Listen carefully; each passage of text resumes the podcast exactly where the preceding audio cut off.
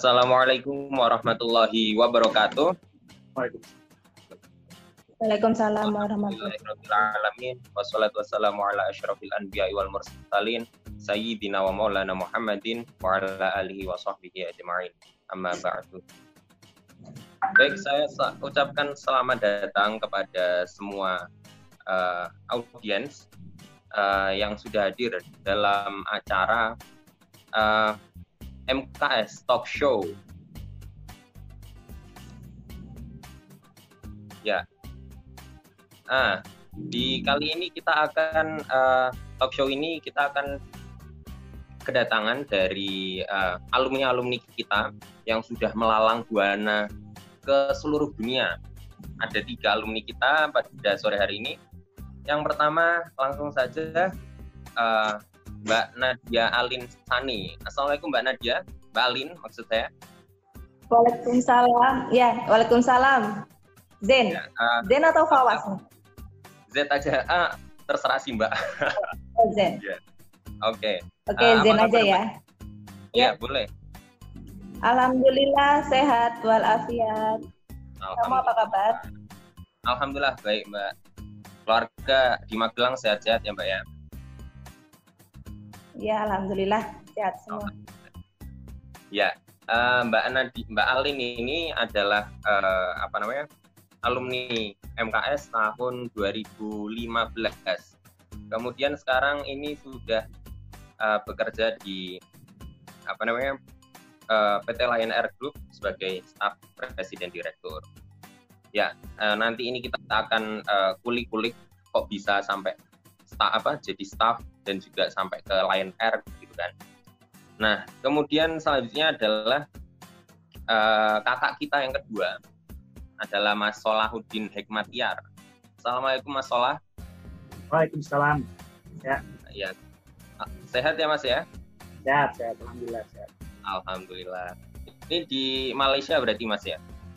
Ah, Atau uh, Ya, saya kebetulan sekarang lagi ke lockdown di Jakarta karena Maret kemarin kebetulan balik Jakarta tiba-tiba Malaysia lockdown nggak bisa balik lagi ke Malaysia. Oh gitu. Nanti insya Allah bakal balik setelah lockdown selesai karena memang kebetulan uh, kerjanya di sana ya, pos saya di sana. Betul. Berarti ini kerjanya jarak jauh ya mas ya? Iya, kita cukup fleksibel, alhamdulillah. Alhamdulillah. Ya, ini kalau Mas Solah ini adalah ang, apa namanya mahasiswa bukan MKS kalau Mas Mas Solah ini malahan mahasiswa KUI ya Mas ya. Mahasiswa uh, eh, KUI. Ya, dulu masih di KUI ya. Di KUI ya, tahun 2012. Kami ini sebenarnya juga KUI Mas. Tapi KUI ya. zaman now, jadi MKS. Iya, iya. Iya. Nah, saya cukup cukup aware. Siap. Uh, 2012 itu angkatan masuk saya ya. Jadi saya alumninya 2016. Oh, 2016. Oke. Okay. Ya. Masuknya 2012. Masuknya 2012. Cek. Cek, cek. Oke. Okay. Oh iya, sama datang juga Mas Andita. Ya, uh, sebelumnya Mas Solah ini adalah ya angkatan 2016. Magisternya ambil di AIUM, uh, baru lulus tahun 2018 ya Mas ya? Uh, di 2019. 19. Oh ya, 19 di AIUM. Kemudian ini juga Mas uh, Sola ini pernah jadi presiden uh, Forsepi tahun 2015. Yap. Ya. 2015. Ya, betul. Ya. Nah, selanjutnya ini kakak kita yang ketiga yang baru datang. Selamat datang Mas ya, Mas Andisca. Assalamualaikum. Halo, Teh. Masuk ya suaranya? Masuk, masuk suaranya. Ya. Apa kabar Mas? Alhamdulillah sehat ya. Alhamdulillah. Ini di berarti di mana Mas? Sekarang posisi dinas di Aceh Pak. Oh di Aceh? Ya. Di Aceh. Tapi ini mag tapi Magelang squad ya sama Mbak Alin ini sama kayaknya Magelang. Magelang Magelangan. Kita yeah. apa Lin? SMP ya, satu SMP ya? Oh, satu SMP. Eh, enggak, enggak. Oh, SMP 2, Lin. Saya SMP 2, oh. Magelang. Oh, iya, iya, iya. Ya, adik tingkat kakak tingkat lah ya. Ya. Iya. Iya. Ya mungkin uh, langsung aja. Uh, kita ini kan kepo sebenarnya kok apa namanya uh, kepo udah Mbak sama Mas ini kan dulunya di Febi tiba-tiba kan tiba-tiba ya. Nah sekarang udah kerja di masing-masing instansinya yang udah cukup bagus gitu kan ya. Ada yang Mbak di ada yang di Lion Air, ada yang di Etis, Mas Solah ini, kemudian Mas Andisa ini di BRI. Nah uh, kita kepo sebenarnya dulu itu waktu mahasiswa gimana sih sebenarnya uh, ya apa apa yang dialamin waktu jadi mahasiswa dulu tuh kayak gimana? Mungkin dari Mas Andisa mungkin Wah, boleh. Benar-benar. Gimana? Nah, ini kan udah kelihatan syari. Eh, ada gitu ya. ya. Oke. Okay. Ganti ya, Mas ya. Saya kebetulan orang Aceh, Mas. Siap, siap. Orang Aceh ya? Saya orang Aceh. Acehnya Pak. mana? Di Banda Aceh saya, di Pungi. Ba- Di Oh, di Pungi. Ya, deket tuh ya. Aku di Simbang Surabaya sekarang, Mas. Oh, Surabaya. Oke, Ya. oke. Gimana, Oke. Mas? Silakan Mas Andisa mungkin dulu mahasiswa perjalanan mahasiswanya gimana gitu sampai bisa sampai ke BRI Syariah tadi. Apa ya, perjalanan mahasiswa. Kalau dilihat dari historikalnya perjalananku, mungkin Alin lebih tahu kalau aku itu gimana orangnya. Karena gini, Waduh. jadi selama aku kuliah, aku normal-normal saja, biasa. kuliah, main ya. Tapi satu Oke. sisi yang paling aku pegang dari dulu itu adalah keseriusan, Mas. Keseriusan dalam melakukan suatu hal. Oke. Jadi apa pun yang dilakukan, remeh ataupun guyon, itu hanya sebagai gimmick aja. Tapi di lain sisi target, target itu pasti ada. Karena gini, eh, Pak Yazid ya, Ya. Assalamualaikum Pak. Aduh Pak. Koyum. Assalamualaikum Pak Yazid, Pak Koyum. Assalamualaikum Pak Yazid. Waalaikumsalam Pak Yazid. Ya. Oke, gimana kabarnya? Alhamdulillah Pak. Kita baik Pak. Baik, baik. Ya Alhamdulillah. udah, monggo dilanjut. Tak dengarkan aja saya. Seneng saya pada makmur kayaknya. Alhamdulillah Pak. Alhamdulillah Pak ya. Alhamdulillah, Pak. Yang kelihatan makmur alim kayaknya. Waduh. Waduh, Pak, bisa saja. Bener. ya monggo monggo dilanjut saya tak dengerin aja ya monggo. Ya. Lanjut ya. Iya. Eh, jadi perjalanan saya di kuliah itu eh, awal mula, awal mula di FEBI itu kan dulu saya masih masa transisi dari KUI ke MKS. MKS itu angkatan pertama di saya kebetulan. Dulu kampusnya di Maguwo di dek- eh, Hmm, dekat ya. bandara itu. Depan bandara betul. Suka duka di situ jelas. Karena apa ya iri jelas pasti. Yang digambarkan di UIN tuh, aduh kampus kayak gini. Tapi ketika datang di FEBI kita kuliah di hotel dengan fasilitas yang adanya. Itu Oke. yang di awal mula tuh aduh ini kalau sama SMK aku malah bagusan SMK aku lah. Tapi gini satu yang aku eh, pegang di situ. Saya tuh dulu MKS itu melihat ke belakang itu adalah jurusan yang paling favorit di UIN yaitu KUI ya. Di situ saya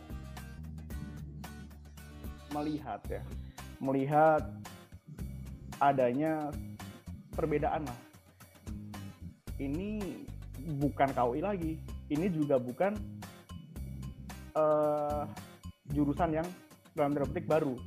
Kita hanya meneruskan tapi dalam konteks yang seragam beda.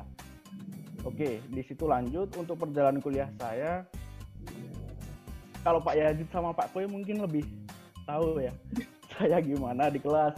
Dulu pernah Pak Yazid ya negur saya saya main HP itu. Kita di depan saya suruh itu banyak ya itu? Pak Alin juga ya. Itu yang paling paling aku ingat di Pak Yazid tapi gini eh, dalam perkuliahan satu yang saya pegang dari dulu itu keseriusan dalam melakukan sesuatu seperti yang saya bilang tadi. Apa pun itu kamu harus punya target.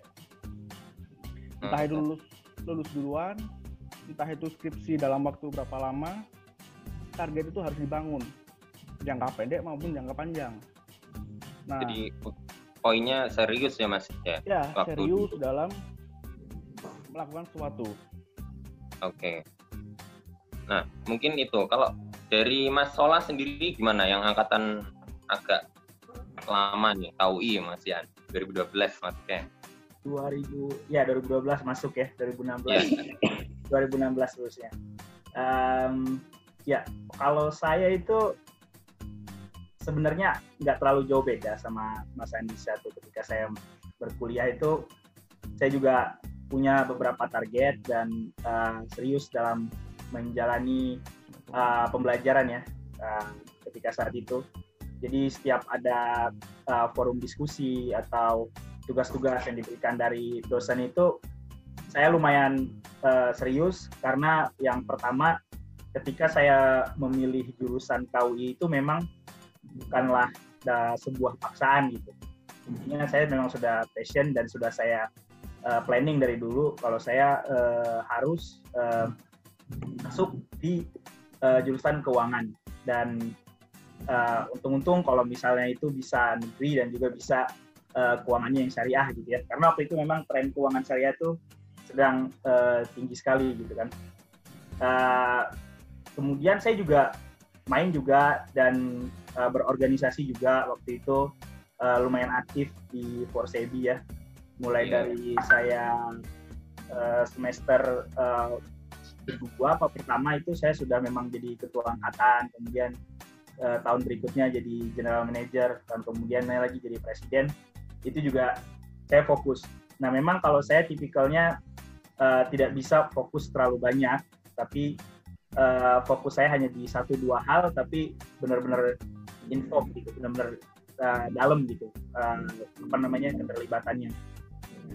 Sehingga okay. saya banyak belajar dari uh, dua sisi itu gitu kan, uh, yang satu dari sisi leadership, yang di lain sisi adalah di uh, sisi materi atau sisi pembelajaran istilahnya seperti itu. Uh, dan metode itu selalu saya pakai bahkan ketika saya mengambil S2 saya alhamdulillah juga itu uh, tepat waktu ya. Uh, ada juga bantuan dari teman-teman Forsebi juga waktu itu uh, di data collection dan sebagainya uh, kebetulan memang uh, testis dan skripsi itu semuanya tepat waktu disebabkan karena saya memang memplanning dari jauh-jauh hari. Jadi intinya adalah uh, tidak takut bertanya, terus juga aktif, itu juga menjadi salah satu kunci. Jadi kalau kita tidak tahu, jangan istilahnya terlalu lama dalam uh, posisi ketidaktahuan tersebut. Harus secepat mungkin menemukan jawabannya gitu. Dan itu saya pakai uh, sampai saat ini ketika bekerja juga metode metode metode seperti itu uh, mem mempermudah saya dalam melakukan pekerjaan saya dan juga uh, mempermudah saya dalam menyelesaikan beberapa permasalahan juga. Jadi intinya kita harus cepat harus cepat uh, menyelesaikan apa yang kita planning dan ketika kita menemukan uh, uh, apa namanya halangan jangan mudah terdismotivasi tapi cepat-cepatlah mencari tahu gitu istilahnya.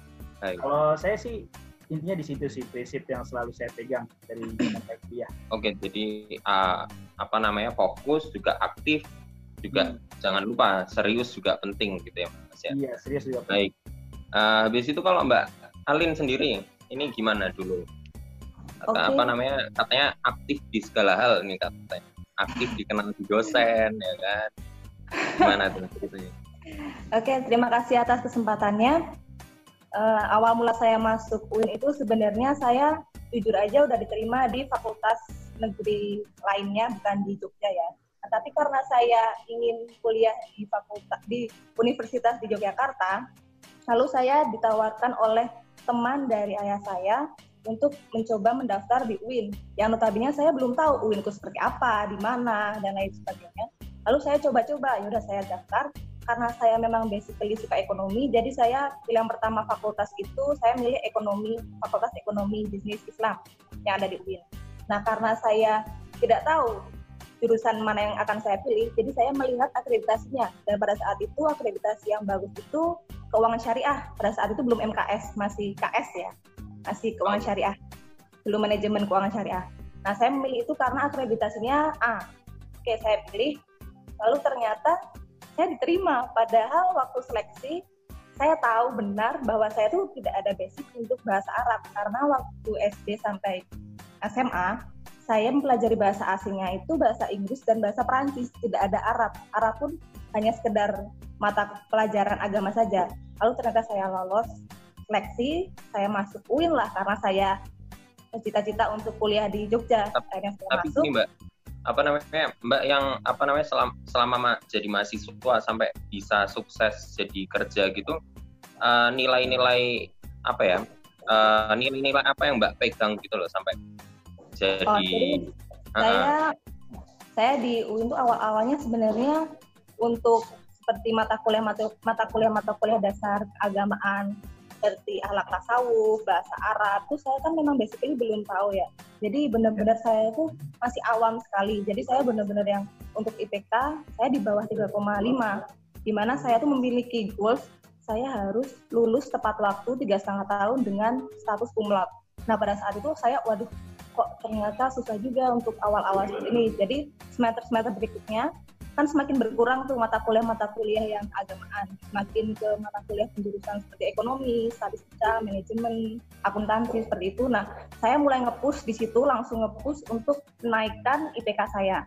Jadi alhamdulillah goal saya untuk lulus tiga setengah tahun dan kumlot, nah capai juga. Tapi di sela-sela perkuliahan saya sebenarnya tidak tidak mulus-mulus saja ada aja hmm. kejadian-kejadiannya.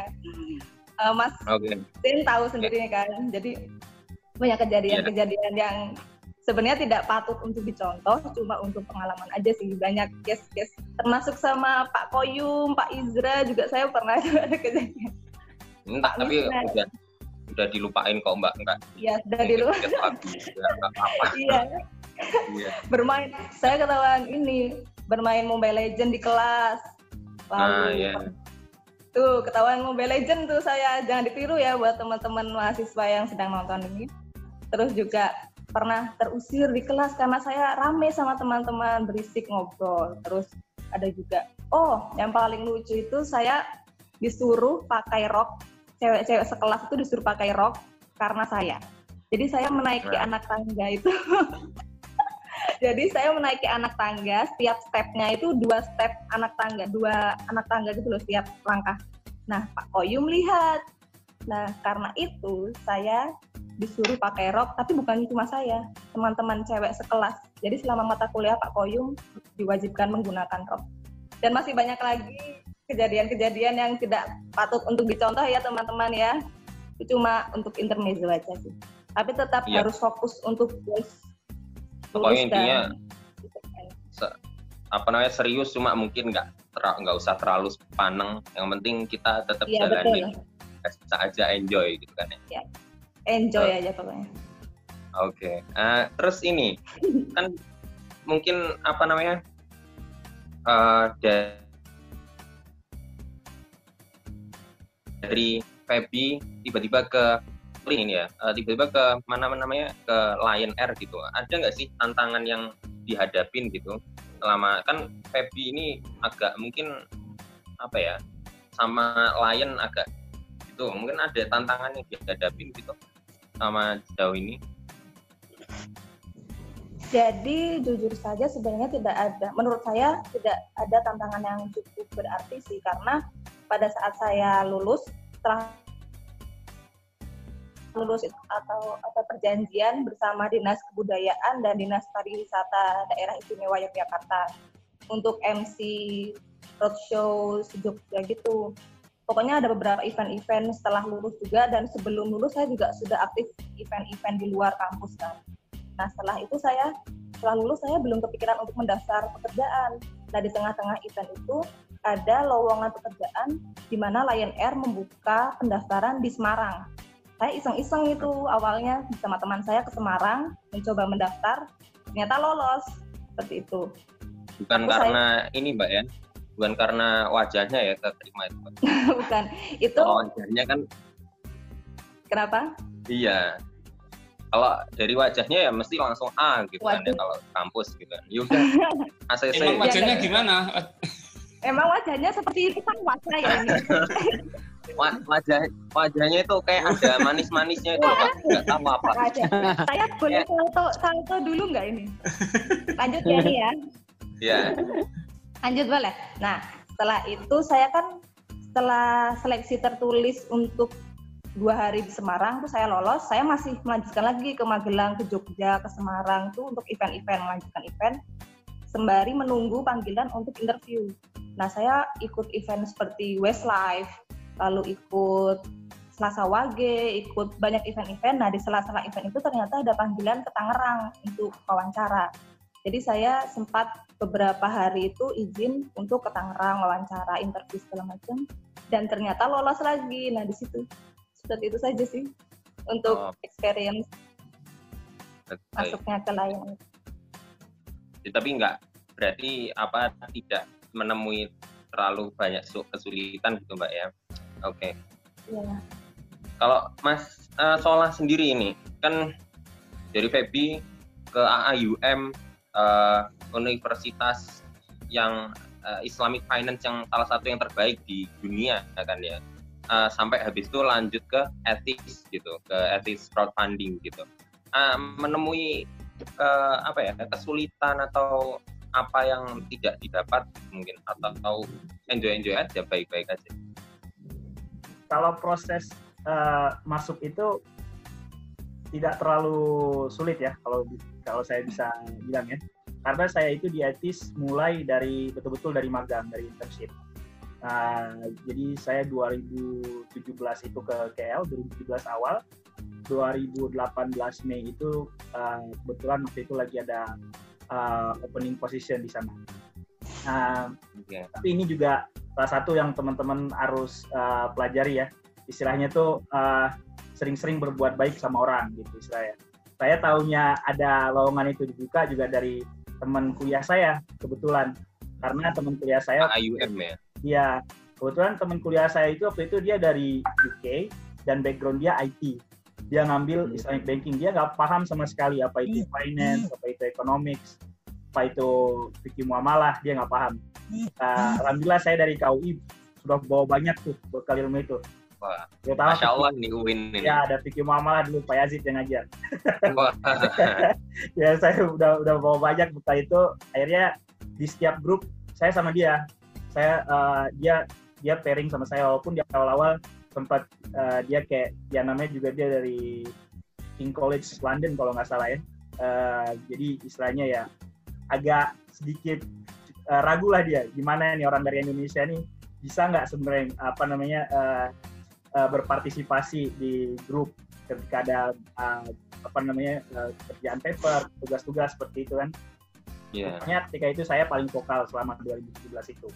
Eh, banyak apa namanya masukan-masukan yang saya kasih tahu ke mereka dan kebetulan nilai-nilai tugas kita bagus semuanya seperti itu. Hmm. Sehingga di 2017 akhir dia masuk ke etis dulu sebagai IT dan ketika ada lowongan kerja dia coba share ke saya. Nah kebetulan juga memang faktor luck juga ya keberuntungan juga ya ke karena eh, etis itu sebagian besar operationsnya ada di Indonesia sehingga banyak melibatkan eh, klien-klien atau proyek-proyek yang dari Indonesia sendiri. Nah sehingga eh, butuh penyembatan untuk meng, eh, penyembatan informasi karena tim di Indonesia tidak terlalu paham bahasa Inggris, tim di KL tidak terlalu paham bahasa Indonesia dan tidak terlalu paham eh, step-step eh, apa namanya yang yang apa namanya yang ada di Indonesia sendiri gitu kan. Bisnis di Indonesia itu seperti apa mereka tidak terlalu paham. Eh, dengan adanya saya saya memperlancar dua komunikasi itu gitu. Yang sebelumnya mungkin mereka butuh translate keluar dan sebagainya. Nah makanya saya bilang ketika proses masuk eh, tidak terlalu susah karena memang ini startup ya proses masuk di startup itu hanya dari interview kemudian mereka melihat portofolio kita mereka melihat CV kita ketika mereka puas mereka akan panggil kita, coba kita uh, dengan internship. Saya magang Oh. internship uh, tiga bulan, kemudian uh, setelah itu mereka senang dengan kinerja saya, kemudian lanjut uh, sebagai uh, full time ya ketika itu sampai sekarang. Nah, uh, Tapi kalau di startup itu kesulitannya lebih di uh, ketika sudah mulai. Jadi kalau- sudah mulai, memang karena memang perusahaan sedang growingnya ya. Jadi tidak ada Iya. istilahnya uh, satu orang hanya fokus satu kerjaan. Jadi satu orang bisa fokus jadi beberapa departemen merangkap gitu. oh, Itu kalau misalnya di dunia di dunia startup itu seperti itu. Bahkan uh, mungkin ada beberapa kalau teman-teman pernah dengar kayak venture capital itu juga begitu cara kerjanya. Satu orang uh, junior associate-nya bisa mengurus beberapa kerjaan mulai dari legal, mulai dari uh, analisis, mulai dari macam-macam sebagainya lah istilahnya. Uh, jadi kesulitan itu uh, atau uh, tapi kalau misalnya dulu dari eh, UIN sendiri dari KUI ke apa namanya ke AIUM itu aman ya mas? Maksudnya nggak terlalu menemui kesulitan gitu? Um, tidak, karena pertama saya sudah memang itu sudah ada di planning saya. Jadi ketika ada apa namanya saya lulus di UIN, saya langsung ke Jakarta waktu itu. Karena memang eh, istilahnya kayak ngadu nasib lah, ajar terus masuk ke Jakarta. saya Ya. saya langsung eh, random banget waktu itu saya punya motor, saya jual motor. Jadi modal dari motor itu saya pakai buat kos ngekos 2-3 bulan sama daftar les bahasa Inggris. Nah, setelah itu saya juga daftar uh, IELTS. Jadi saya ke IEM itu sudah bawa IELTS. Nah, beberapa orang yang uh, kurang persiapan memang mereka tidak langsung membawa sertifikat IELTS atau TOEFL-nya harus masuk ke kelas bahasa Inggris dulu selama beberapa bulan baru bisa masuk ke kelas. Nah, kalau saya waktu itu memang cukup cepat sih prosesnya karena IELTS saya keluar dan itu sudah apa namanya memenuhi standarnya IUM. Saya langsung uh, masukin berkas dan langsung keterima. Jadi intinya Tapi poinnya berarti eh, dari MKS dari prodi MKS untuk ke AIUM itu sangat mungkin dan eh, tidak sangat sulit ya mas ya. sangat mungkin, ya sangat mungkin. Jadi emang pro- apa MKS ini udah siap untuk memproduksi yang eh, ke mana aja apa namanya lulusannya siap diterima di mana aja gitu mas ya. Oke. Dan kebetulan memang kalau untuk eh, dari saya juga sangat eh, benefit ya, sangat diuntungkan ya dengan kelulusan MKS itu atau KUI ya. Karena dari transkrip saya itu saya tidak perlu ngambil prerequisite sama sekali. Prerequisite itu jadi intinya adalah kayak pelajaran-pelajaran yang harus diambil oleh orang-orang yang tidak sesuai dengan eh, backgroundnya gitu. Beberapa ada yang dari ekonomi konvensional, mereka harus ngambil kelas eh, usul fik sama fikih muamalah sebelum boleh masuk ke kelas yang umum. Tapi begitu saya mas- daftar IABF, mereka lihat transkrip saya, oh ini kamu udah ambil semua. Berarti kamu udah langsung masuk aja ke kelas yang biasa gitu. Gak ada lagi istilahnya masuk-masuk prerequisite, jadi saya nggak buang-buang waktu. Waktu itu saya langsung ngejar juga di situ. Gitu. Jadi di situ apa namanya keuntungannya ya, yang saya dapat banyak dari MKS. ini. Betul, berarti itu salah satu keuntungan kita jadi mahasiswa MKS itu banyak ya Mas ya. Salah satunya banyak. Itu tadi Banyak. bisa tanpa itu tadi, tanpa apa training itu ya. Baik. Ya, tanpa Nah, training. kalau Mas ini eh, ya, kalau Mas Andisca ini eh, sekarang di Aceh. Nah, kalau dari Mas sendiri ada nggak Mas dari luar dulu dari Febi terus ke dari MKS ya ke BRI gitu menemukan kesulitan gitu atau karena ini akreditasi sudah A terus habis itu dosen-dosennya keren-keren semua udah cukup gitu. Masuk sana udah gampang gitu mas. Kalau di poin terakhir yang masalah dosen yang keren itu udah pasti keren, Mas. wah. A- apalagi kalau dia ya? Lagi Pak Yazid ya. wah itu. Ah, idola anak-anak ini idola mahasiswa. Jadi gini, untuk eh, lulusan MKS, ya ini flashback waktu saya lulus pertama kali ya. Lulus pertama kali, saya langsung ada planning loh. Sebelum lulus malah harus ada planning dulu. Apakah mau lanjut kuliah atau kerja? Pilihannya cuma dua itu, kuliah atau kerja. Di lain sisi kalau kuliah memang belum belum belum waktunya ya. ada beberapa kendala dan di sinilah gimana caranya harus kerja dengan mengandalkan ijazah yang ada yaitu ijazah uh, UIN jurusan MKS ini. Uh, pertama kali saya daftar itu di BCA, ODP BCA, dan alhamdulillah uh, saya keterima. Tapi untuk uh, tes terakhir itu kan di dulu di mana di daerah Pondok Indah di BCA-nya saya nggak datang karena gini hmm. di situ saya masih uh, mengamini atau masih uh, berpegang berpegang teguh terhadap apa yang telah saya pelajari selama kurang lebih tiga setengah tahun di MKS.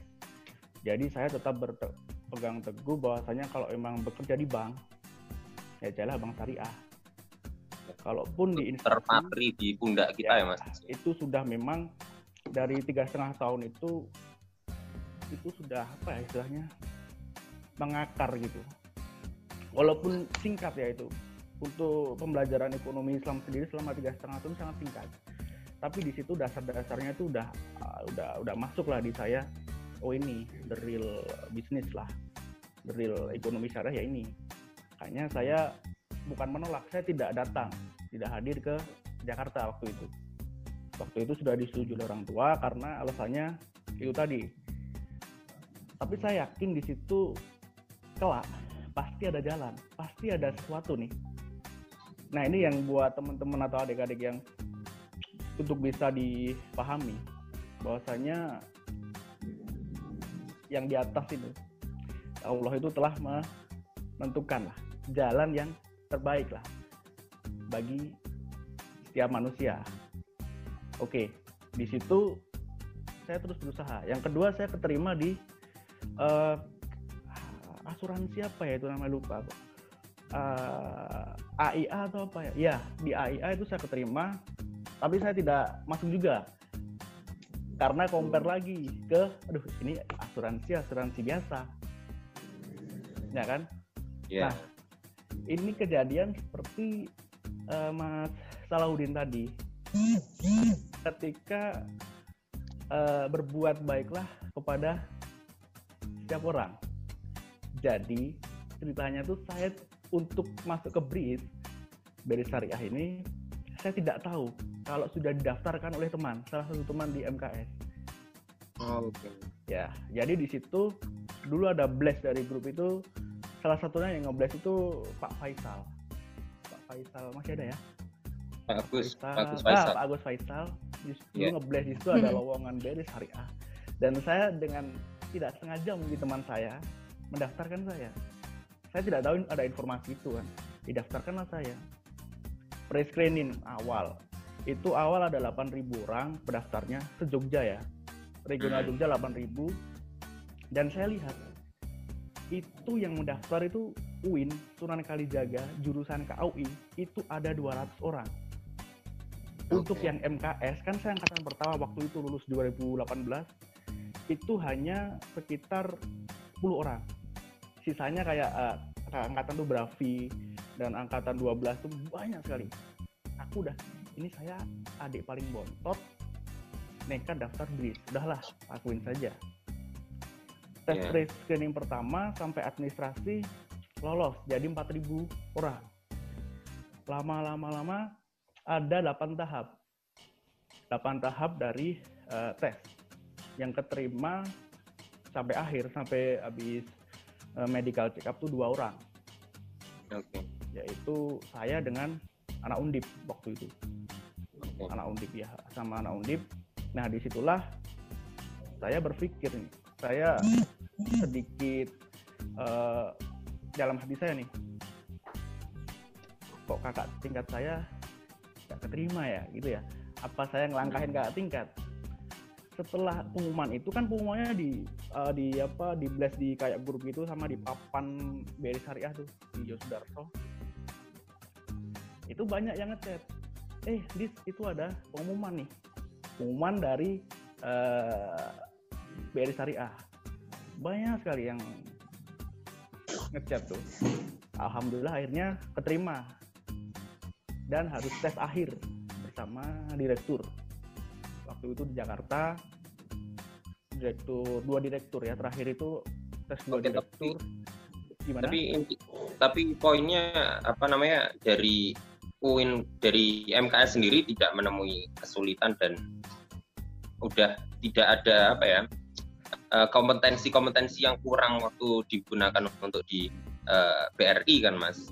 Nah, gini, jadi waktu tahap 1 sampai 7 itu itu ilmu di UIN itu menurut saya belum lah, belum terpakai.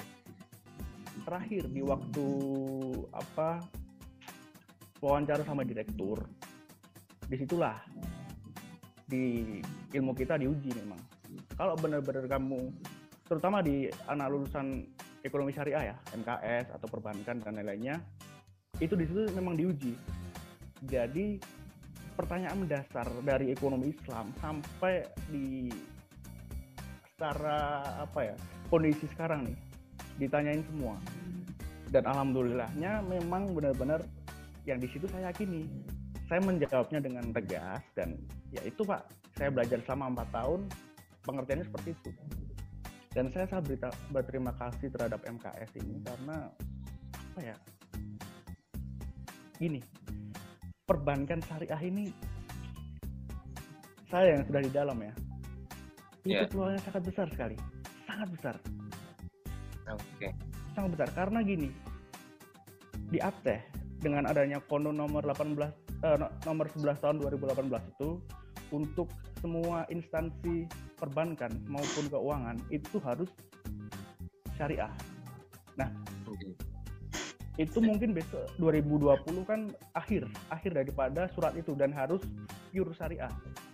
2021 itu mungkin yang sekarang marketnya 5,96 lah ya karena BPD terakhir masuk Lombok itu mungkin di 2021 bisa di angka 9 Oke. dan info lagi next untuk provinsi yang eh, membuat konon syariah ini itu adalah Lombok dan Padang. Jadi Pondok- banyak Iya. sekali lowongannya ya Mas. Apa peluangnya sekali. sangat besar Iya. Tapi Baik. satu eh, yang har- ya pesan saya untuk teman-teman adik-adik juga eh, tetaplah berpegang teguh ya. Maksudnya yang telah kalian pelajari, yang telah kalian hmm, geluti lah setiap hari selama empat tahun itu janganlah disia-siakan. Ya, Oke. itu karena it- Jadi- itu ya Ada ilmu itu benar-benar harus kita apa namanya kita praktekkan nggak hanya cuma di perkuliahan aja gitu kan dipegang Iya. terus poinnya itu. Oke.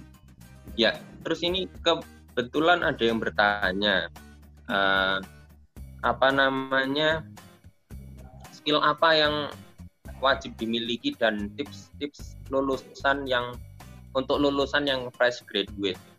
Nah, mungkin dari Mbak Alin, Mbak, menurutnya Mbak Alin apa yang skill yang wajib dimiliki seorang eh, fresh graduate mahasiswa gitu. Oke. Eh, kebetulan saya kan lulus tahun lalu tahun 2019 di mana saya merupakan angkatan tahun 2015 ya. Tadi revisi ya Mas ya. Jadi Oh iya. Ya, 2019. saya saya masuk di angkatan 2015 dan lulus pada Februari 2019 wisuda Mei 2019. Nah, jadi untuk tipsnya itu menurut saya yang penting pertama adalah percaya diri. Kalian jangan ins- insecure dengan diri sendiri, pokoknya percaya dengan diri sendiri, pede aja. Pokoknya skill kalian itu itu adalah diri kalian sendiri. Lalu yang kedua ada mm, melatih seperti uh, public speaking, seperti berbahasa Inggris, berbahasa asing, seperti itu di depan banyak orang. Pokoknya ada kaitannya dengan percaya diri tadi kan. Lalu jangan lupa pasti ilmu. Nah, benar kata Mas Andiska tadi, jangan sampai ilmu kita dari sekolah SD, SMP, SMA dan perkuliahan yang tahun-tahun itu sia-sia. Jadi kita harus memiliki ilmu di mana uh, ilmu tersebut itu akan kita gunakan untuk ke depannya.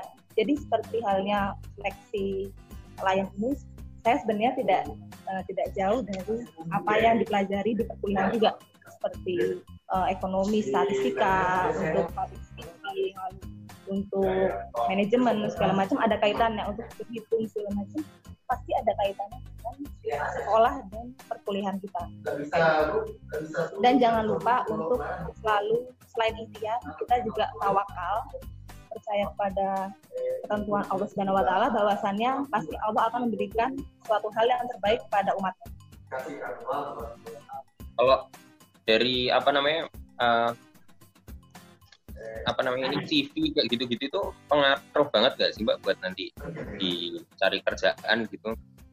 Iya betul sekali. Menurut saya sangat berpengaruh karena kebetulan saya lebih aktif di KM futsal dan juga saya yeah. lebih aktif di event-event luar kampus seperti menjadi uh, volunteer, menjadi panitia, menjadi apa saja pokoknya di event-event tersebut dan ada beberapa skill di mana saya sebelumnya belum bisa tapi mencoba hal yang baru yaitu menjadi MC. Nah, saya mencoba menjadi MC dan kebetulan saya memang uh, dipercaya untuk menjadi MC roadshow yang ada hubungannya dengan dinas kebudayaan dan dinas pariwisata daerah istimewa Yogyakarta. Nah dari situ saya semakin banyak untuk menambah pengalaman CV-CV saya, event-event itu kan semakin banyak. Jadi sebenarnya banyak perusahaan untuk menerima karyawan barunya itu mereka juga melihat sisi track recordnya mereka itu seperti apa sih? Apakah mereka uh, di masyarakat itu berjasa seperti menjadi volunteer kemanusiaan atau menjadi volunteer Jadi, event uh, event-event apa pun pengalaman ya, apa pun ya. atau pengalaman kerja apa pun itu sangat penting ya pak iya, sekecil apa pun misalnya iya. gitu ya. Baik, baik. di bidang akademik maupun akademik itu menurut saya cukup penting. Penting untuk karena menjadi bahan, ya karena menjadi bahan pertimbangan suatu perusahaan dan menjadi uh, tingkat confidence kita untuk memaparkan pengalaman kita tuh menjadi semakin banyak baik, semakin baik. percaya diri. Ya, kalau untuk Mas Solah sendiri, apa Mas yang menurut Mas perlu dimiliki, khususnya mungkin eh, anak-anak MKS ini? harus punya. Ya, um, hampir sama, nggak terlalu jauh beda sama Mbak Alin tadi. Yang pertama itu confidence atau percaya diri itu sangat penting ya. Intinya uh, terutama kita yang dari apa namanya uh, uh, Asia Tenggara atau uh, Indonesia dan Malaysia biasanya ya. Ya kita um, berbaur dengan uh, sosial uh, sosial internasional sociality gitu ya. Kita bisa melihat kalau karena kita orangnya sopan, kita orangnya santun gitu, terkadang kita tidak berani untuk uh, berbicara, tidak terlalu pede untuk berbicara. bahkan ketika di kelas atau ketika ketika rapat-rapat seperti itu ya, yang saya perhatikan tuh seperti itu. Nah, akan tetapi uh, apa namanya kalau kita punya confidence, kita punya apa namanya pendirian gitu ya, kita tahu itu salah, kita tahu yang benarnya seperti apa, jangan takut untuk mengatakan kebenaran, walaupun itu pahit istilahnya. Jadi ya hajar aja gitu. Kadang walaupun English kita jelek, ya udah hajar aja dulu. Nanti juga mereka kalau yang berani dulu maju akan gitu, paham sendiri gitu kan.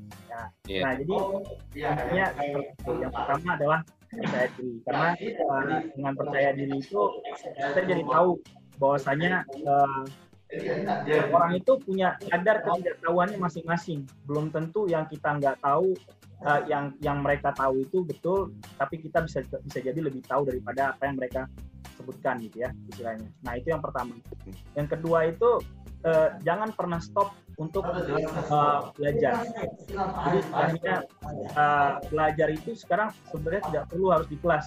Bahkan kalau saya harus namanya boleh memutar waktu istilahnya gitu ya saya akan lebih memilih belajar pelajaran-pelajaran online yang sekarang ada dari IES, dari Udemy, itu banyak sekali platformnya sekarang bahkan pun sudah sangat banyak platform uh, maupun platform yang menyediakan metode pelajaran yang sangat baik.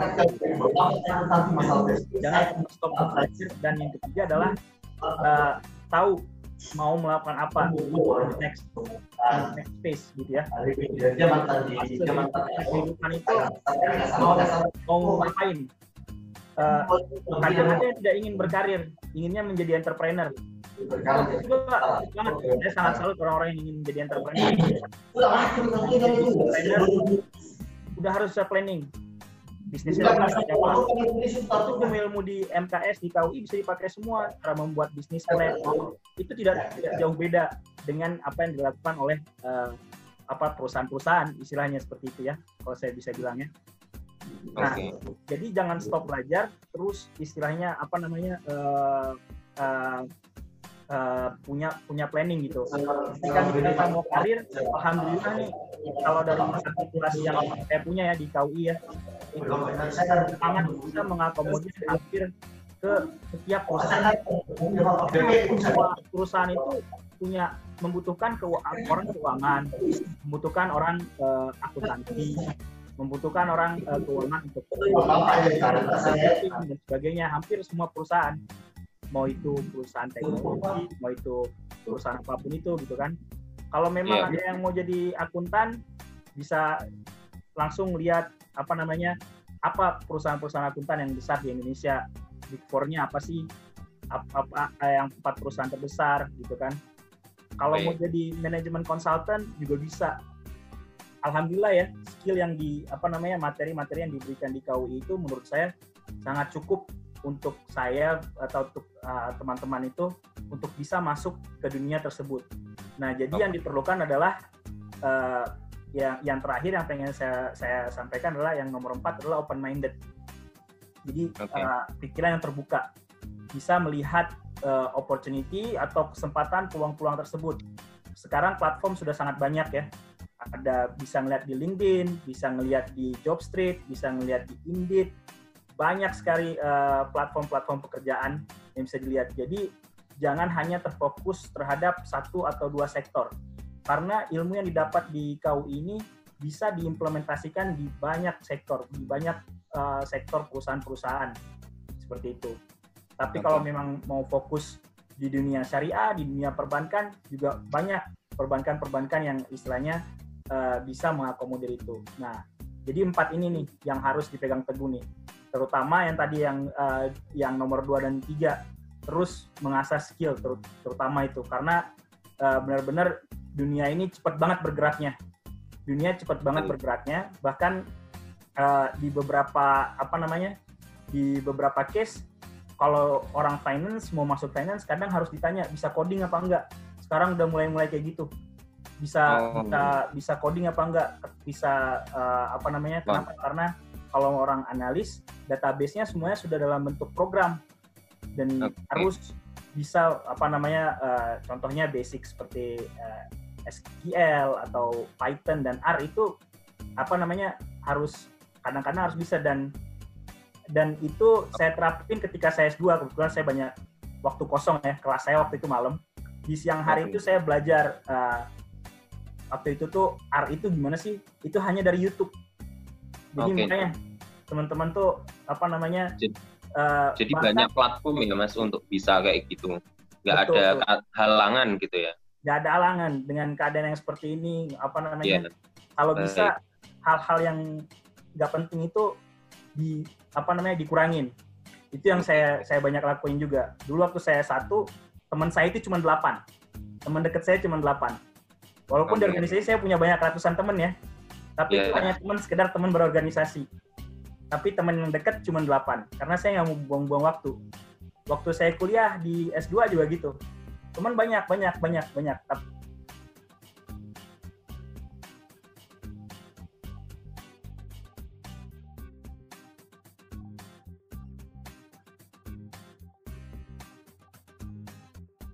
Yang sadar saya udah empat itu waktu yang sangat udah jalan mau hampir lima tahun deh. Uh, mungkin ya, ya lagi ya.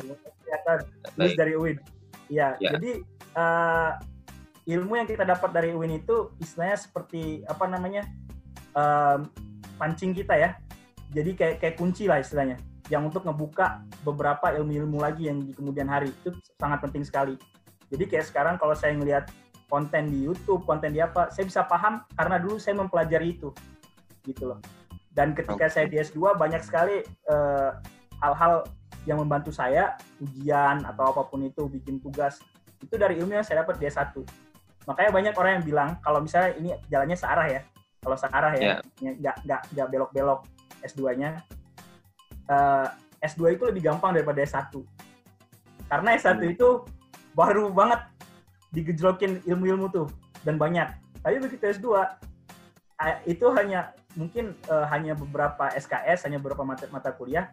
Tapi karena kita bawa bekal banyak nih dari S1, kita bisa tahu nih, oh masukin ini, masukin ini, masukin ini, masukin ini. Ya udah, kadang saya gabung-gabung tuh. Saya gabung manajemen keuangan, saya gabungin fikih muamalah, saya jadilah paper saya.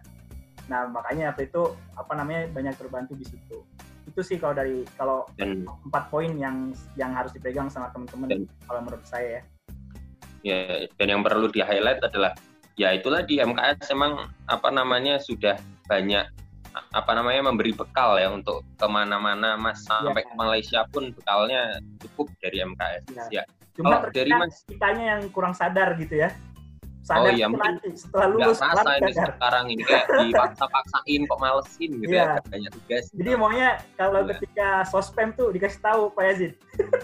Nanti kamu sadarnya ketika udah lulus. Iya pak, perlu di perlu dikasih tahu pak yang kayak gini nih dimasukin browser ini loh nggak dari MKS gitu. Iya. Nggak nggak apa ya Kita sedang merasa dalam nggak sia-sia. tuh kita nggak tahu tugas-tugas yang ada pusing, stres gitu kan. Nah Tapi iya rupanya pas sudah selesai itu, oh rupanya ini tuh. kepake banget Iya, ya. yang diajarin tuh itu rupanya.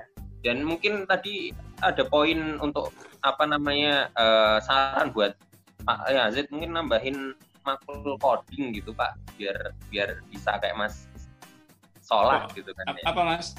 Nambah apa? Makul coding pak. Apa itu? Mata Tadi kul- itu yang oh mata kuliah. Iya pak mata kuliah gitu pak. Oh, mata kuliah Biar- apa? Nambah coding. Oh coding. Oh iya iya ini masukkan ya. ya. Nambah Hmm. Iya gitu pak. Ya, kalau lanjut mungkin Mas Andista ini kalau eh, Mas menurut Mas Andista singkat aja apa skill yang perlu dimiliki mahasiswa umumnya khususnya MKS Eh, di samping yang Skill. udah dibawain dari eh, kampus gitu. Ya, sebenarnya tadi sudah dirangkum banyak sekali oleh Mas Salahuddin dan beberapa oleh Alin ya. Ya Tapi mungkin sini, singkat. dari aku lebih ke teknis saja. saja ya. Teknis Ya. sebagai fresh graduate. Teknis sebagai fresh graduate untuk menggapai entah itu mau kerja ataupun kuliah, ya kan? Dua pilihan itu. Ya. Ketika benar-benar mau bekerja, ya kan? Itu tadi sudah disinggung oleh eh, moderator bahwasanya CV itu sangat penting. Jelas, CV itu adalah portofolio dari kita. Nah, apa isi CV itu? Gini, untuk di eh, ranah dunia kerja nih, CV itu sangat penting karena di situlah eh, perusahaan dapat menilai seseorang tanpa bertemu orangnya. Jadi di CV itu sudah dijelaskan semuanya. Nah, untuk mengisi CV itu, nih untuk teman-teman dan adik-adik di Win ya, Iya. bergabunglah terhadap organisasi. Ya. Ya. Oke.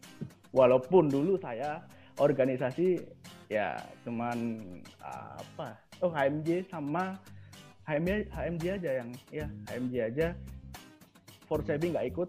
Kemarin di Japri Pak Eka ternyata beliau lulusan Forsebi juga. Oke, Oh. ya, ya lulusan di situ. Ah dan gini untuk masalah isi CV berbanyaklah organisasi internal maupun eksternal ya. Karena di situlah kalian akan dipupuk. Dipupuk dalam artian tadi yang disebutkan Alin tentang eh, mental public speaking. Disebutkan masalah masalah Hudin tentang eh, ilmu berbagai macam ilmu. Terus ditambah lagi tentang bagaimana kita dapat beradaptasi ya beradaptasi dengan lingkungan baru. Karena dunia kerja itu yang pertama jujur keras. Terutama seperti saya yang kerjanya hmm, nomaden ya. Dalam artian gini eh, untuk jabatan seperti saya jabatan katakanlah yang eh, officer ke atas staff gitu itu kalau di bank itu pasti akan mutasi dalam waktu dua tahun.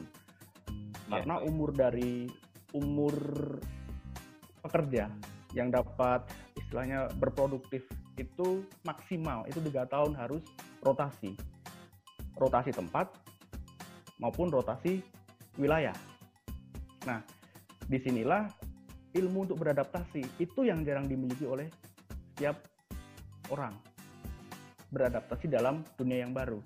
Nah, tapi yang ingin saya tekankan itu adalah tentang poin terakhir dari masalah Hudin. Poin terakhir apa ketiga ya tadi? Untuk uh, masalah dunia modern. Ya. Hmm. Belajar. Belajar di mana pun kalian berada. Karena gini, kita dimanjakan oleh uh, industri 4.0 ini di mana pun kita dapat melakukan sesuatu yang uh, apa pun itu mau kalian berbuat negatif atau positif tapi di sini poin yang garis bawah adalah belajarlah di mana pun kalian berada dan gunakanlah uh, internet ataupun sosial media itu dengan bijak karena seseorang yang tidak ini agak ada quotes ya seseorang yang tidak mau mengikuti perubahan zaman, dia akan mati oleh tertelan mati tertelan zaman itu sendiri. Ya. ya. Jadi mau belajar, bekerja, kita harus upgrade. Di sisi perbankan pun juga, sekarang kita dimanjakan oleh yang namanya hmm, sistem berbasis online. Ya. Nasabah itu tidak usah ke bank, itu transaksi sudah bisa semua. Lama kelamaan ya, yeah. TS teller itu sudah ada ada mungkin. Eh. Oh, gitu. ya. Tapi untuk yang bagian bisnis itu pasti jalan.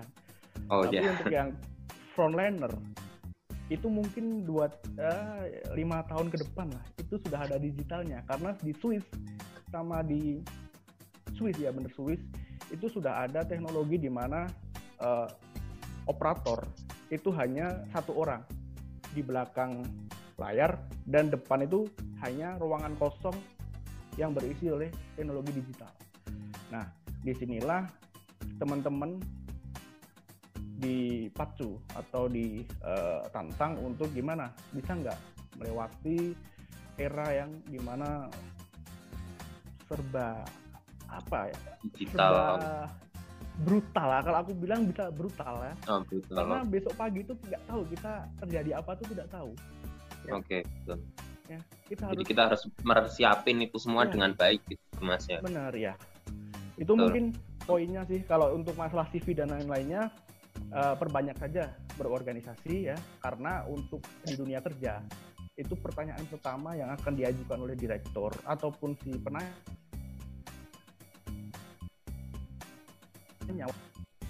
ya. Oke. Okay kalau kita punya wawasan organisasi kita pasti akan ngobrol walaupun di situ si wawancara itu tidak akan membahas detail tapi setidaknya oh anak ini ternyata ada kegiatan tidak hanya kuliah itulah poinnya gitu mas. Poinnya itu. Oke. Okay. ya uh, dari ini tadi banyak banget ya apa namanya uh, pesan untuk mahasiswa sebenarnya uh, tem untuk teman-teman khususnya untuk seperti saya. Jadi uh, kalau kuliah ini harus uh, menjalani kuliah ini harus serius, fokus juga aktif gitu ya. Uh, tapi juga nggak yang sepaneng banget. Dan yang penting tadi poin yang saya ambil adalah uh, kita tuh harus uh, planning, uh, mersiapin planning rencana-rencana uh, yang apa yang akan kita uh, lakukan ke depan gitu. Dan juga uh, apa namanya skill yang harus kita miliki tadi belajar PD, belajar di mana pun kita berada, PD dan bahasa dan public speaking. Nah, mungkin yang terakhir ini singkat aja buat uh, dari kakak kakak-kakak ini uh, saran untuk prodi sendiri apa? Mungkin singkat aja dari Mas Andi bisa dulu mungkin. Ya. Uh, untuk saran singkat dari, ya, Mas, untuk oh, prodi ya. Prodi MKS ya. Uh, Pak ya. Yazid mungkin ya. iya masih Pak Yazid ini. Pak Izra. Nggak ke mana-mana Pak Yazid. Uh, Pak Yazid izin Pak untuk yeah. masukkan Pak untuk bagi Win terutama Febi dan lebih khususnya lagi MKS nih untuk ke depannya Pak untuk menghadapi entah itu teman-teman yang mau bekerja ataupun mau lanjutan kuliah sebisa mungkin Pak uh, di prodi itu disisipkan lah mata kuliah yang seperti masalah Udin tadi bilang itu yang berkaitan dengan uh, ya berbasis sosial media ataupun yang kekinian lah ya jadi tidak Jadi, monoton marketing. Tidak monoton mata kuliah itu tentang eh, statistik dan lain-lain. Tapi kita harus dike- diberi sesuatu yang fresh baru. Walau itu bisa dimasukkan di mata kuliah ataupun di ekstra ya, Pak. Nah, kenapa kok bisa kenapa saya bilang begitu? Karena di dunia kerja, Pak, itu skill yang dibutuhkan sekarang selain skill dari eh memang pelajaran yang dimiliki eh, yang didapat di empat tahun itu skill yang bisa eh, mudah adaptasi. Ya. kayak contohnya coding tadi. Walaupun jurusan MKS jurusan yang katakanlah berbasis ekonomi coding dan coding itu IT tapi keduanya itu sangat berhubungan ketika masuk di dunia kerja. Apa pun itu mau kerja di perbankan asuransi itu sangat eh, perlu. Yang kedua pak untuk prodi MKS itu jujur kurikulumnya sudah bagus pak. Kurikulumnya sudah bagus mulai dari dasar sampai eh, kelulusan. Tapi ini pak satu pesan pak ini beberapa eh, beberapa akhir-akhir ini saya terima.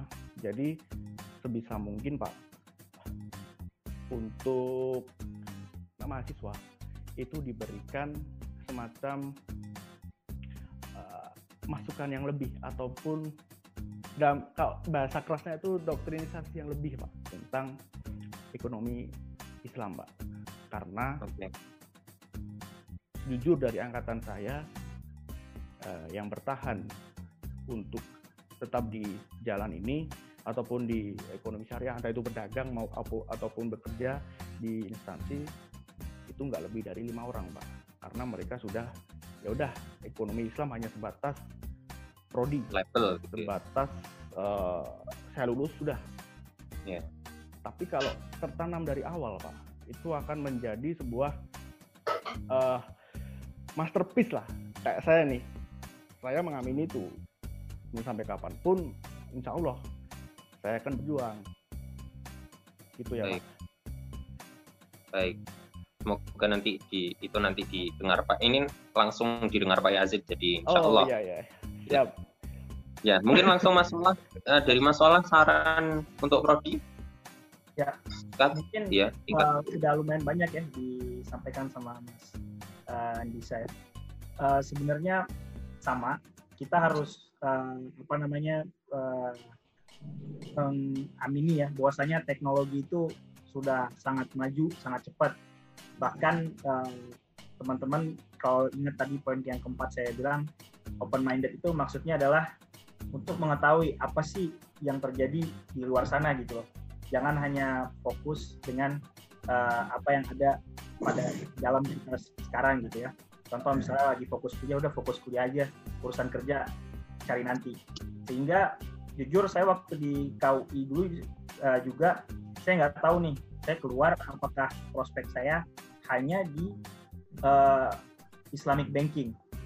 Kemudian kalau mentok nggak bisa ke Islamic banking, ya wes ke, ke, ke BMT. Habis itu beres. Dulu dulu pandangan saya cuma dua itu, Islamic Bank, BMT, Islamic Bank, BMT. Alhamdulillah pas saya uh, keluar, saya uh, ke uh, apa namanya saya lanjut uh, belajar saya, saya bertemu sama satu orang Indonesia uh, senior saya. Dia kebetulan uh, alumni dari PricewaterhouseCoopers PwC Indonesia ya. Jadi PwC Indonesia itu salah satu big four uh, accounting firm di Indonesia juga.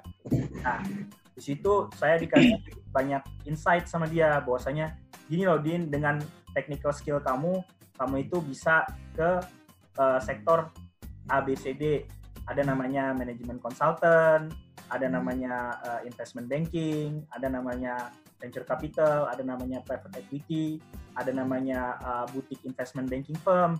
Nah ini semua berkaitan sama equity atau share. Nah yang mana share itu juga sebenarnya adalah Islam Islamik tergantung bisnisnya yang jalanin apa gitu ya. Nah, nah, apa namanya di situ mata saya mulai terbuka gitu kan. Jadi misalnya kayak Uh, kalau orang mau bikin sukuk itu siapa sih yang kerja siapa-siapa aja ada di investment banking misalnya dan sebagainya dan sebagainya. Nah, fintech dan sebagainya startup juga saya baru ketemu ketika saya keluar dari Win. Mungkin uh, apa namanya masukan saya adalah uh, entah itu di awal atau itu di akhir uh, orientasi tersebut diberikan bahwasanya prospeknya ke mana aja gitu karena uh, mau nggak mau kita harus istilahnya tahu bahwasanya industri ini terus berubah terutama dengan skill keuangan dan sebagainya itu itu terus berubah. Itu pasti berubah dan terus berubah. Uh, karena orang-orang yang istilahnya dari background IT itu mereka selalu punya uh, uh, apa namanya moto satu. Selama itu masih dikerjakan manual harus bisa dikerjakan otomatis secepat mungkin itu yang mereka lakukan. Karena di situlah peluang yang mereka cari gitu kan. Nah jadi sudah banyak uh, uh, apa namanya case. Mungkin teman-teman bisa buka salah satu contohnya dalam Monzo ya. Monzo itu uh, fully digital banking dari UK jadi mereka nggak ada CS nggak ada apa-apa ya udah istilahnya nggak ada teller cuman ada platform gitu ya istilahnya. Nah ke depannya saya di Indonesia juga bakalan ada dan saya sudah melihat itu. Ada ada yang sudah menuju ke sana. Regulasinya juga sudah ada. Jadi okay. ketika uh, ketika perbankan sudah melihat peluang itu maka dia akan melakukan investasi di situ. Nah sementara kita sebagai uh, individu harus siap skill apa yang dibutuhkan. Nah skill apa yang dibutuhkan dalam waktu lima tahun ke depan. Apakah itu negosiasi skill? Apakah itu uh, istilahnya dalam uh, menganalisa bisnis tidak bisa lagi istilahnya oh saya mau di finansial aja saya nggak mau tahu masalah hukum saya nggak mau tahu masalah legal. Sedangkan orang sudah mencari orang yang tahu tahu finansial analisis tahu masalah legalnya tahu masalah semuanya. Jadi mereka okay. ingin semuanya serba uh, efisien gitu ya istilahnya. Okay. jadi ya mungkin masukan saya itu aja. Kalau bisa ada uh, orientasi masalah karir either itu di awal ketika sebelum orang itu masuk supaya mereka bisa memilih nih jalannya kalau yang mata kuliah pilihan-pilihan itu apa yang harus mereka ambil atau di akhir.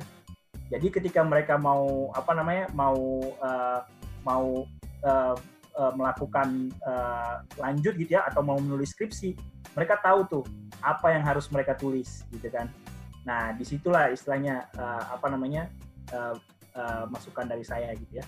Oke, baik. Uh, langsung saja mungkin dari Mbak Alin singkat uh, apa namanya saran untuk prodi gitu Mbak.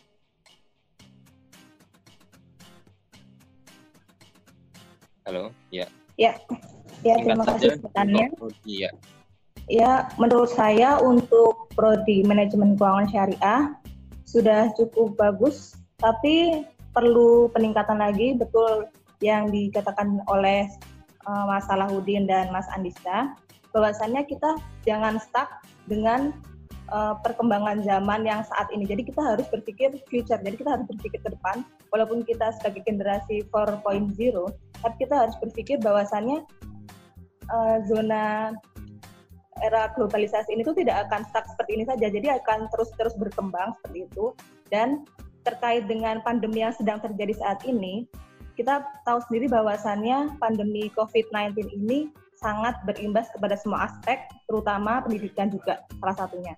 Nah, dengan adanya pandemi ini kan otomatis banyak adaptasi yang dilakukan dan adanya new normal, di mana ya, kita teman-teman mahasiswa kan ada yang untuk kuliah online, lalu juga salah satunya juga seperti ini webinar series ini kan termasuk adalah adaptasi dan new normal yang dilakukan usaha yang dilakukan oleh universitas khususnya untuk fakultas dan prodi manajemen keuangan syariah ini.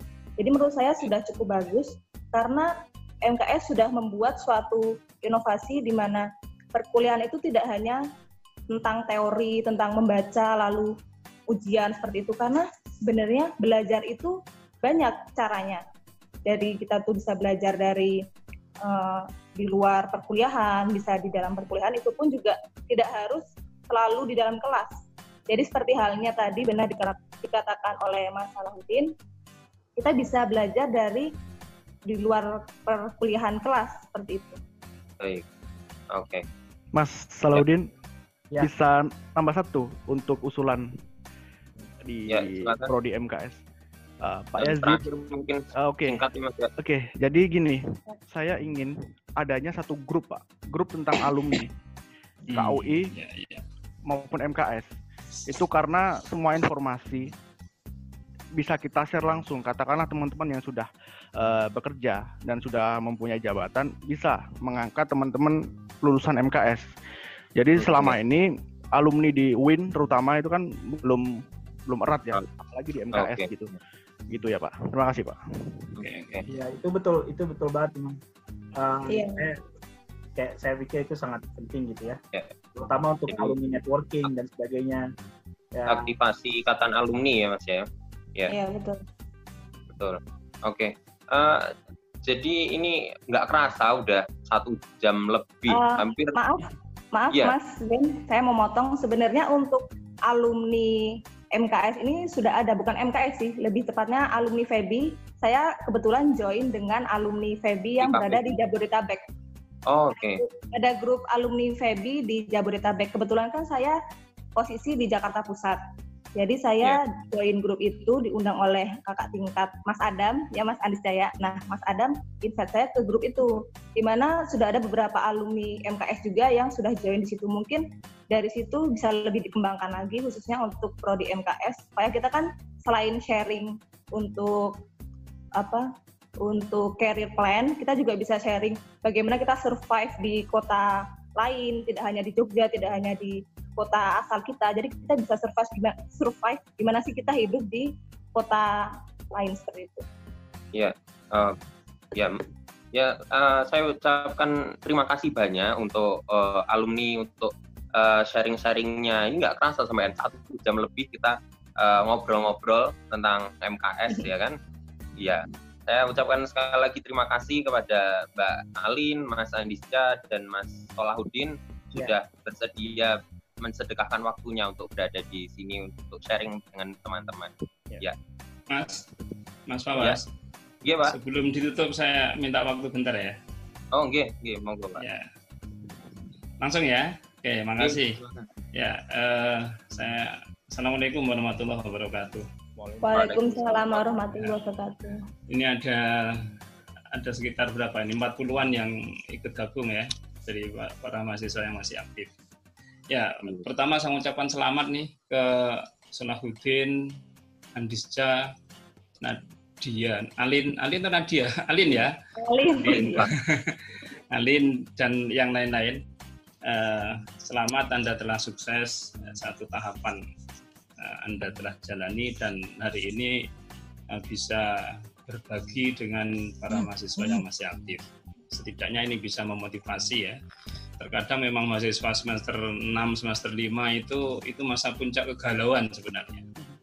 Nah, ketika kemudian ada, ada kakak kelasnya dari rahim yang sama, kemudian sudah menapaki kehidupan yang berbeda, itu kegalauan itu bisa terobati.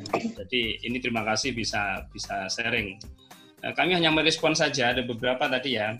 Eh, yang pertama tadi tentang mata kuliah, ya mudah-mudahan nanti kalau kita mereview kurikulum isu ini eh, kita masukkan ini Mas Izra sama Mas Koyum dan Mas siapa yang gabung di sini ada kok Mas Pak ya Pak Furkon sama Pak siapa Mas Rizaldi ya Nah, mudah-mudahan nanti bisa merespon ini eh, untuk kurikulum. Mungkin nanti kalau ada perubahan kurikulum itu kita masukkan gitu. Kemudian tentang grup alumni, ya ini harus segera direspon. Saya tidak tahu yang paling pas siapa. Eh, untuk grup WA itu berapa atau maksimal jumlahnya? Oh, WA dikit itu- Pak kayaknya. Ratusan atau berapa ya? Sekalian ya. Ya, Kurang- ya nanti nanti eh, untuk khusus MKS saya kira kalau yang memang bisa terlacak itu bisa dibuatkan grup yang mungkin nanti kalau satu grup tidak cukup ya dua grup karena itu ini penting juga untuk akreditasi ya setidak-tidaknya nanti eh, akreditasi itu ada Pakai Telegram, Pak. pakai telegram. bisa ya? Monggo mas. Anu mas Rizaldi ya kalau gitu ya. Tolong atau dan sama mas mas Lukan ini yang ada nih ya. Tolong nanti itu dianu nggih apa di di apa namanya di, di dikelola ya. Tentang tentang alumni ini. Jadi, Eh, Pak, kemudian- siapa insya Allah. Ya, kemudian selanjutnya ini karena sudah hampir hampir waktu buka ini, eh ya yang saya kenal ini Andisca, Selahuddin, Alin ini adalah anak-anak yang dulu aktif ya. Dan saya itu ya saya masih masih ingat Andisca pernah saya marahi. Ingatnya dimarahinnya Pak ya. Uh, uh, ini ini Fawas juga sering saya marahi nih. Tapi percayalah marah, marahnya kita ke kalian itu untuk satu yang insya Allah baik. Makanya tetap saya minta maaf kalau Anda tidak berkenan saat itu. Ya, yang saya kenal kalian-kalian dari dua aktif. Ya, maka kemudian dan saya itu sudah berapa hampir 20 tahun ngajar ya. Itu selalu apa niteni ya orang Jawa ya. Niteni yang dulu ketika aktif waktu studi itu ada kabar baik gitu. Ada kabar gembira di akhir gitu.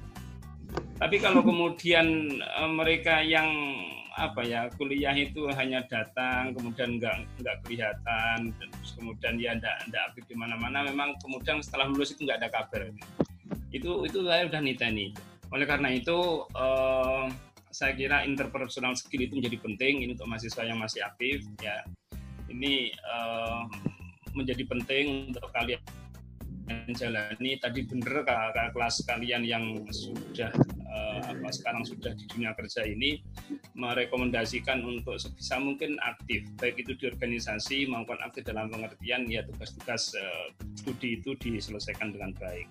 Saya kira itu dan uh, memang tidak ngerti nasib kita tetapi kita bisa membuat peta. Peta jalan kita itu kita bisa buat bahwa kemudian nanti destinasinya di mana lah itu nanti urusan nanti. Ya dan uh, ketika kita ke, ke, apa membuat peta dan kemudian kita serius di situ ya insya Allah akan ada pasti akan ada destinasi. Gitu. jadi uh, kepada yang masih aktif ini khususnya yang masih mahasiswa tidak perlu galau ya. Karena kakak kelas ada yang berangkat dari rahim yang sama dengan kalian itu menunjukkan bahwa uh, bisa melakukan aktualisasi diri bahkan ini selaku sekarang di Malaysia ya Uh, iya Pak, pos saya sebenarnya di Malaysia, cuman saya kemarin lagi company visit di Jakarta. Sekarang oh, gitu. saya lockdownnya di Jakarta, Mas. Oh, lockdownnya di Jakarta nih ya. Untung ya. Maret uh, kemarin Maret awal saya sebenarnya rencana sampai satu bulan di sini karena ada transfer knowledge ya dari okay, okay. Uh, yeah. level ke apa namanya yeah, okay. country head level, terus akhirnya malah lockdown. Oke, okay, ya, ya. Yeah. Oke, okay, ya. Alin ini malah kesasar ke, ke Lion Air gitu ya. Dan lain-lain. Ya, itu saya kira itu bisa bisa bisa menjadi cermin bagi para mahasiswa yang masih aktif dan insya Allah tetap akan ada uh, bagaimana. Terima kasih. Sekali lagi terima kasih dan sekali lagi saya mohon maaf ketika berinteraksi khususnya kepada yang sudah alumni ini ada beberapa hal yang kalian tidak pernah. Assalamualaikum warahmatullahi wabarakatuh. Waalaikumsalam warahmatullahi wabarakatuh. Ya, mungkin saya akan menutup, menutup uh, diskusi pada uh, sore ini dengan uh, statement bahwasanya pada dasarnya pekerjaan apa pun yang kita pilih nanti itu adalah hak kita. Kita semua itu bebas untuk memilih. Tapi terkadang kita perlu mengetahui dan kita perlu ingat bahwasanya a choice is not only coming from brain but it's also coming from heart jadi pilihan tidak hanya datang dari pemikiran kita, tapi juga dari uh, hati. Ya, uh, saya Z Makarim. Uh, kurang lebihnya mohon maaf. Banyak pertanyaan yang belum bisa dijawab. Saya mohon maaf. Uh, dan semoga bermanfaat. Dan sampai jumpa di webinar seri selanjutnya. Allahumma fiqh pamit tarik. Wassalamualaikum warahmatullahi wabarakatuh.